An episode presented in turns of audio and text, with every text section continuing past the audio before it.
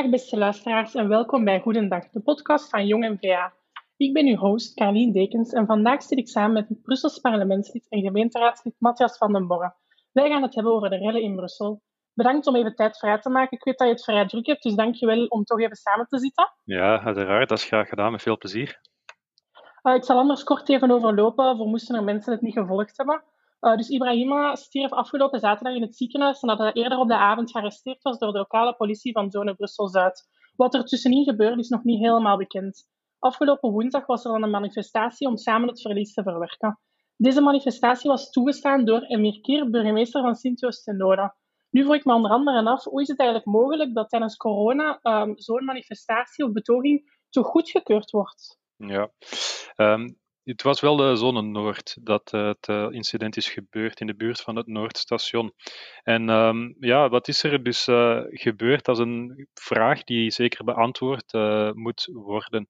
Maar inderdaad kan je serieuze vraagtekens zetten bij het feit dat Emir Keer daar die betoging goedkeurt.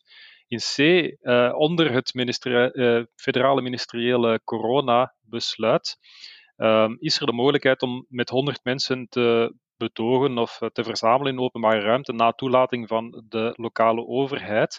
Maar op natuurlijk voorwaarde dat de afstandsregels uh, um, gerespecteerd worden en natuurlijk dat er 100 personen maximum uh, zich verzamelen. Ja, natuurlijk, op voorhand konden daar al fundamentele vraagtekens bij zetten. Hè. Um, ja, alleen al het feit dat er met de stijgende coronacijfers uh, dit toegelaten wordt, uh, vind ik eigenlijk gezegd een slecht signaal. Twee, die afstandsregels die werden gewoon van het begin niet gerespecteerd. Het lijkt alsof dat er geen enkele voorbereiding daarover uh, was getroffen. Zelfs in het begin waren daar 400 tot 500 mensen samen opeengepakt in een massa. Um, en dan, ja, ook voordien al circuleerden er berichten op sociale media die opriepen om de politie te viseren.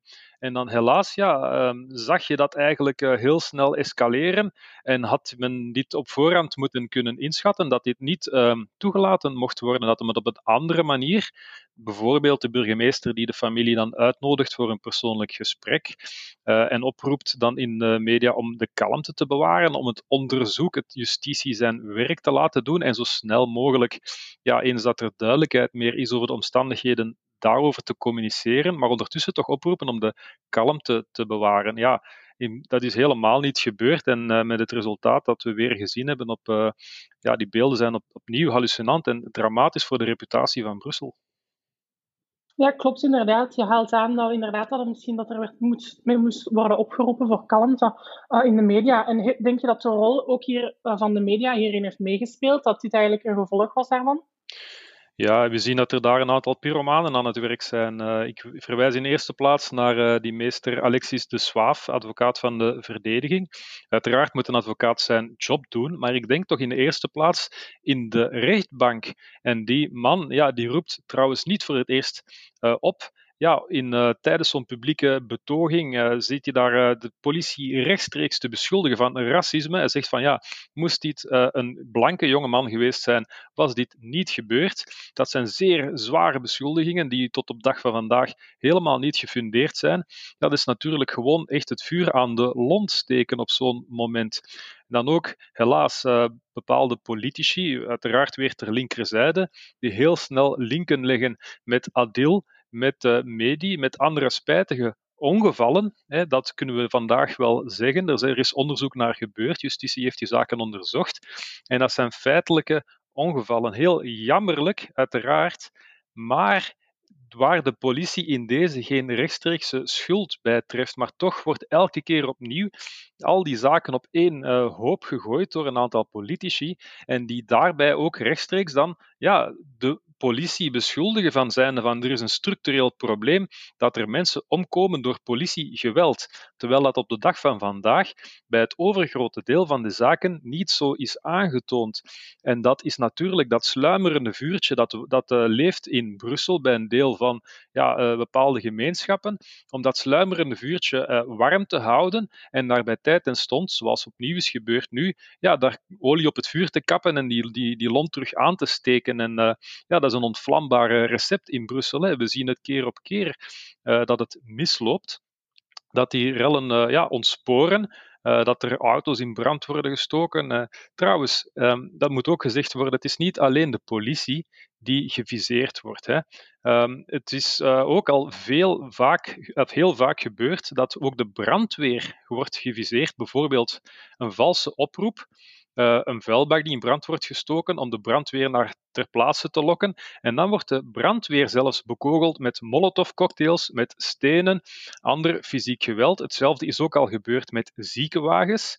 Ziekenwagens die naar een plaats worden gelokt om die dan te bekogelen. Um, ja, het zijn uh, zeer ernstige uh, feiten die in Brussel zich, zich, zich afspelen. Ja, dat is natuurlijk ontzettend jammer en absoluut onaanvaardbaar. En ook vooral omdat het zo vaak gebeurt. Uh, er komt eigenlijk geen reactie, er gebeurt eigenlijk verder niks. Hoe komt dat eigenlijk? Wat minister-president Vervoort, heeft hij hiervoor een plan? Van hem hoor je ook weinig reactie. Hoe komt dit? Ja, helaas, uh, minister-president Vervoort is gewoon een lame duck.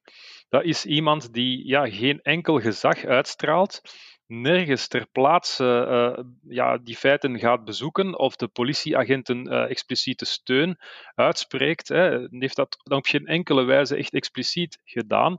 We zien daar misschien ooit eens een tweet van uh, verschijnen, maar voor de rest laat die man zich niet zien of horen. En inderdaad heeft hij toch wel een grote verantwoordelijkheid.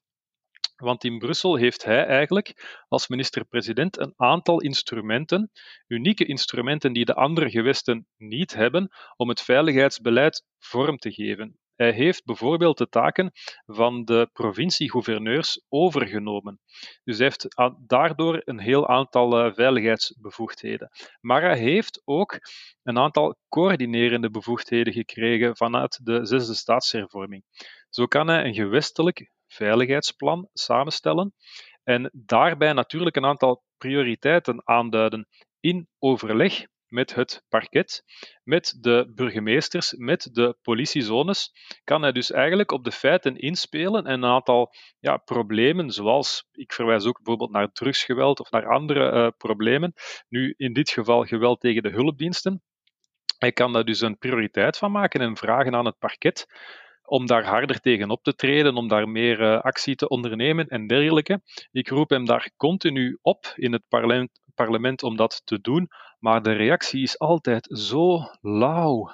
Hij laat altijd ja, anderen in de bres uh, springen. En op het eind van de dag heeft, zoals nu opnieuw helaas, de politie zo gezegd, ja, die mag dan, uh, ja, die heeft de boter gevreten, of hoe zeggen ze dat dan? Hè? Die is altijd de schuldige. Terwijl natuurlijk, ja, de politie legt verantwoording af aan de politiek. De politie staat onder ja, bevel van de burgemeester, van de lokale autoriteit, van de minister-president ook. Um, ja, die de politieke verantwoordelijkheid in deze die wordt niet genomen. Inderdaad. Maar, en had de politie dan anders moeten reageren of hadden zij anders moeten ingrijpen? Ligt dan de verantwoordelijkheid zo vaak bij de politie, zoals zo vaak wordt gezegd? Wel ja, de politie valt natuurlijk onder het uh, toezicht van de burgemeester en van, het, uh, politie, van de politieraad. En bij bijvoorbeeld evenementen uh, moet er op voorhand in feite een veiligheidscheck gebeuren, een risicoanalyse. En die moet vooraf ook toegelaten worden, zo'n evenement. En uh, het is op basis van die risicoanalyse dat de politiediensten dus uh, hun voorbereiding maken, hè, het aantal manschappen, eventuele reserves en dergelijke. Um, maar dat heeft natuurlijk ja, de juiste aansturing nodig. En we zien toch heel vaak in Brusselse gemeenten, ook in Brusselstad is het al heel vaak misgelopen, um, dat die risicoanalyse niet of nauwelijks wordt gemaakt. Dus dat wil zeggen dat de politiediensten al op voorhand eigenlijk uh, ja, een soort van ja, bijna gehandicapt aan de, aan de start uh, van zo'n um, evenement verschijnen. En dan, tijdens zo'n evenement, is het de burgemeester die rechtstreeks het bevel moet geven aan de politie, aan de korpschef, van ja, vanaf nu hè, mag je ingrijpen. Hè, als het ontspoort of als iets, ja, als het escaleert, op dat moment moet de burgemeester zeggen, ja, grijp in. En als je daar te lang mee wacht, wat ik opnieuw ook de indruk heb dat er nu uh, gebeurd is, de, deze keer, maar ook al helaas ja, tig keren eerder. Dat is bijna ja, een, een, een, consequent, alleen een vaste gegeven bijna, dat uh, de burgemeester te laat ingrijpt en, en wacht totdat de, de feiten eigenlijk al geëscaleerd zijn. En dan is het voor de politie nog ja, veel moeilijker om, om echt ja, in te grijpen. dat is een gegeven. Een ander feit is natuurlijk de organisatie van de politie zelf. Los van evenementen moet de lokale politiek en uh, ook het gewest ervoor zorgen dat de politiediensten de juiste instrumenten hebben, dat die bevellijnen goed zitten, dat die coördinatie goed is, dat er afstemming bestaat tussen de zes politiezones. En ook hier is er toch heel veel werk nog aan de winkel. Um, wij pleiten voor een eenmaking, een fusie van de zes politiezones, omdat je dan echt ja, voor één stad op één manier een politie kan uitbouwen. Um, en dat gebeurt niet. We zien dat er zes politiezones vaak toch nog echt op een eigen manier te werk gaan. Uh, dat die coördinatie toch soms nog echt wel mank loopt tussen de verschillende politiediensten. En ja, dat zorgt er helaas ook voor dat het veiligheidsbeleid in Brussel ja, versnipperd blijft en dat er daar toch nog wel verbeteringen mogelijk zijn. Denk je dat, uh, dat dat een van de oplossingen is, die politiezone, de fusie van de politiezones? Of op welke manier Denk je dat het in Brussel echt nog te tijd nog te keren valt? Ja, het is geen panacea, het is geen oplossing voor alles. Je gaat er niet het uh, fundamentele andere manco's met, uh, met verhelpen. Um, maar wat het veiligheidsbeleid betreft, denk ik dat het wel een goede stap in, in de richting zou zijn. Op voorwaarde natuurlijk ook dat de onderliggende structuren ook vereenvoudigen. Dat je dat ingemaakt bevel ook uh, bij één uh, persoon en één gewestelijke veiligheidsraad echt brengt, onder gewestelijk toezicht brengt dat je ook die burgemeesters, die gemeenten, ja, dat je die daartussen uithaalt, hè, die baronieën die daar continu stokken in de wielen steken, dat je daar, dat je daar ook vereenvoudigt. Uh, dat is één aspect. Een ander aspect natuurlijk in Brussel is het ja, een gegeven. Uh, de demografie is enorm gewijzigd de uh, tientallen eh, voorbije jaren. En dat heeft een zeer grote impact op dit gewest. En natuurlijk ook ja, een impact op het veiligheidsbeleid. En daar ook zijn er bijzonder weinig lessen getrokken ook voor onderwijs bijvoorbeeld, of voor armoede, of voor huisvesting, of voor ja, veel andere beleidsdomeinen, um, staat Brussel voor bijzonder grote uitdagingen. Uh, eh, 30 jaar socialistisch bestuur heeft Brussel geen goed gedaan. Uh, we zijn eigenlijk van het rijkste gewest van België. Op 30 jaar tijd is uh, Brussel pijlsnel van die ladder gestuikt tot nu het armste gewest van dit land. Met torenhoge werkloosheidscijfers, met torenhoge armoedecijfers, met andere maatschappelijke problemen. En dat zorgt natuurlijk voor een, ja, een voedingsbodem ook voor, voor, voor meer geweld, um, voor meer onvrede in de samenleving.